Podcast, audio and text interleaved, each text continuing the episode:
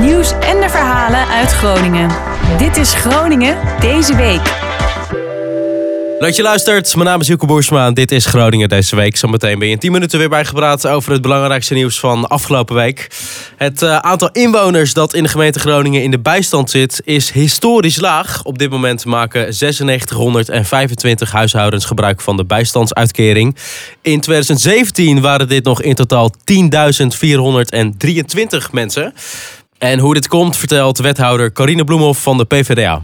Het gaat economisch goed, dus er is meer werk waar mensen naar kunnen uitstromen. En aan de andere kant hebben we ook ingezet met het werkprogramma om meer mensen aan het werk te helpen. Dus we begeleiden mensen denk ik meer en intensiever. Uh, mensen kunnen komen kennismaken met andere beroepen. Uh, we hebben praktijkleren ingezet waar mensen een uh, praktijkdiploma kunnen krijgen. Dus we hebben allerhande dingen ingezet om mensen echt de stap te laten maken weer naar werk. Wat minder goed nieuws is, is dat het aantal mensen wat in de bijstand zit, wat al langdurig in de bijstand zit, dus meer dan vijf jaar, is toegenomen. En dat is natuurlijk zorgelijk. En dat heeft ook met corona te maken, want ja, vaak waren mensen actief in buurthuizen of op participatieplekken. Dat is helemaal stil komen te zitten. En die afstand tot die arbeidsmarkt is niet verkort. Dus wat we willen gaan doen, is die mensen weer nog beter en meer ontwikkelingsgericht begeleiden. En daar gaat het college binnenkort met plannen voor komen. En dit gebeurde nog meer afgelopen week in Groningen. De SP wil een strenge leegstandsverordening voor de gehele gemeente. Hiermee moet eh, de woningnood aangepakt worden. De SP vindt het niet kunnen dat winkel- en kantoorpanden, maar ook woningen langere tijd leeg staan. 3% van de woningen staat leeg en volgens de SP moeten en kunnen ruimtes binnen drie maanden weer nuttig gebruikt, verhuurd of verkocht worden. En je hoort nu Jimmy Dijk van de SP. Wij zien dat er eh, meerdere vierkant, duizenden vierkante meters aan kantoorruimte leeg staan. Zo'n 11% van, uh, van de winkelpanden uh, schijnt leeg te staan en 3% van de woningen. En zeker die 3% woningen is natuurlijk heel gek. Uh, omdat volgens mij alle groepen mensen, of het nou om huurders, uh, starters of uh, kopers gaat, ja, die zijn naast op zoek naar een betaalbare woonruimte. En de enige die hiervan profiteren, van die leegstand, zijn pandjesbazen. En dit is de reactie van wethouder Roeland van der Schaaf. We hebben een leegstandsverordening, die hebben we in Groningen. Hè. Die gebruiken we met name in het A-kwartier. Daar heeft hij ook gewerkt. Dus ja, de suggestie alsof er heel veel in Groningen leeg zou zijn, die herken ik niet. Maar als, hier als er leegstand is, dan moeten we dat direct bestrijden. Zeker als het om leegstand gaat als gevolg van speculatie. Kijk, soms zijn er woningen leeg omdat ze verbouwd moeten worden. Dat, volgens mij vindt iedereen uh, dat geen probleem. Als mensen woningen leeg laten staan omdat ermee gespeculeerd wordt, moeten we direct ingrijpen. Maar ik heb geen aanleiding om te, te beseffen dat dat, of te denken dat in Groningen op dit moment gebeurt. We zitten er bovenop, dus volgens mij gaat het in Groningen heel goed met het bestrijden van leegstand. Wat de SP betreft moet er een maximum aantal maanden zijn dat een winkelpand, een kantoorpand of een huis leeg mag staan. Uh, en uh, zodra uh, ja, de eigenaar zich niet aan die, aan die leegstandsverordening houdt, dan moeten we kijken of we, of we tot lichte dwang overgaan door middel van boetes, maar ook overname van beheer. en dus ervoor zorgen dat het om wordt gebouwd tot woonruimte. Heb tot nu toe geen initiatief gezien van, uh, van de wethouder of van het college van, uh, van BMW. Uh, daarom neemt ESP dit, dit initiatief door te vragen wat zij ervan vinden. En natuurlijk hopen wij dat zij ook vinden dat er een leegstandsverordening is. Als dat niet zo is, dan zullen wij die, de antwoorden op de vragen ja, in de gemeenteraad gaan agenderen. En willen wij graag van de gemeenteraad uitspraken over wat zij vinden van leegstand en wat eraan moet gebeuren. Want dat het een probleem is, dat is een feit. Uh, en welke oplossingen er zijn. Uh, de SP die heeft nu eentje aangedragen. Dit is slechts één middel.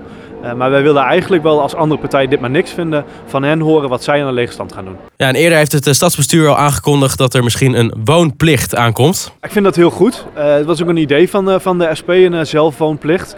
Al meerdere jaren geleden hebben wij dat initiatief daartoe genomen. Dus het is mooi dat het die kant op beweegt. Maar dat is slechts één middel. en om echt ja, de woningmarkt om te vormen tot volkshuisvesting, moeten wij veel meer maatregelen gaan nemen. Natuurlijk ook landelijk, maar, maar lokaal moeten we echt doen wat, wat, wat nodig is en wat kan. Ja, en een leegstandsverordening is één zo'n middel, net als de zelfwoonplicht. En het maximeren van de huren. Wij zitten er bovenop. Hè. Het gaat om feitelijke leegstand. Dat betekent dat, het dat woningen of bedrijven leegstaan terwijl ze niet worden gebruikt. Dat komt in Groningen eigenlijk bijna niet voor. als er leegstand is, is dat omdat men afwachting is van een nieuwe huurder. Of is dat er verbouwd wordt. Of dat de woning bijvoorbeeld op een nominatie staat om gesloopt te worden. Ehm, leegstand als gevolg van speculatie, hè, daar hebben we het over. Dat is zeer kwalijk. Dat vindt gelukkig maar sporadisch voor in de kantorenmarkt of in Groningen. Dus we moeten niet uh, op basis van cijfers verkeerde conclusies trekken. Maar op zich ben ik het eens. Als er leegstand is, is het gewoon van speculatie. Moet er direct worden ingegrepen. Dat doen we ook in het A-kwartier. En als het nodig is, doen we dat elders ook in Groningen. Maar ik heb op dit moment geen enkele aanwijzing om te denken dat dat op grote schaal gebeurt. En dit gebeurde nog meer afgelopen week in Groningen. De Rijksuniversiteit Groningen heeft besloten dat het aan de faculteiten zelf is om te bepalen of studenten recht hebben op een extra herkansing als ze positief worden getest op het coronavirus. En de JOVD Groningen is verbaasd over dit besluit. Zij roepen de rug nu op om te zorgen dat studenten niet lijden onder de gevolgen van eh, de maatregelen. De JOVD wil dat met corona besmette studenten net als vorig jaar een extra herkansingsmogelijkheid krijgen. En je hoort nu JOVD-voorzitter Tom Boer. Wij eh, zijn het er niet mee eens dat uh, alle faculteiten straks zelf mogen beslissen of studenten een extra kansing krijgen op het moment dat ze een coronabesmetting hebben. Uh, dat is iets waarvan wij vinden dat moet centraal geregeld zijn. Dat moet voor alle studenten gelijk zijn.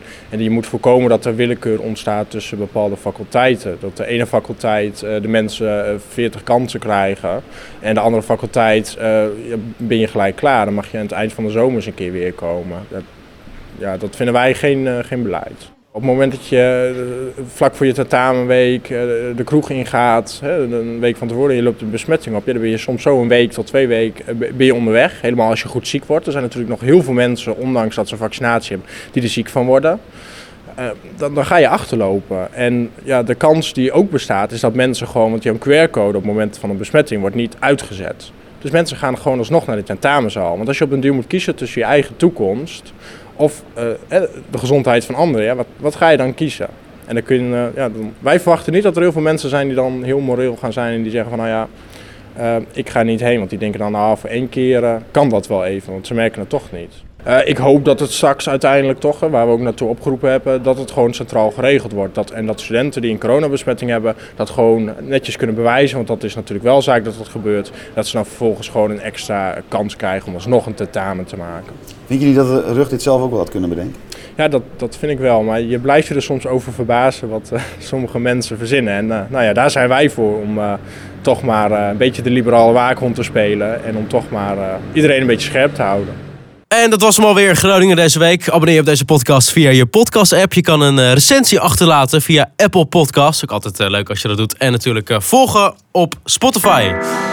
Dankjewel voor het luisteren en tot volgende week.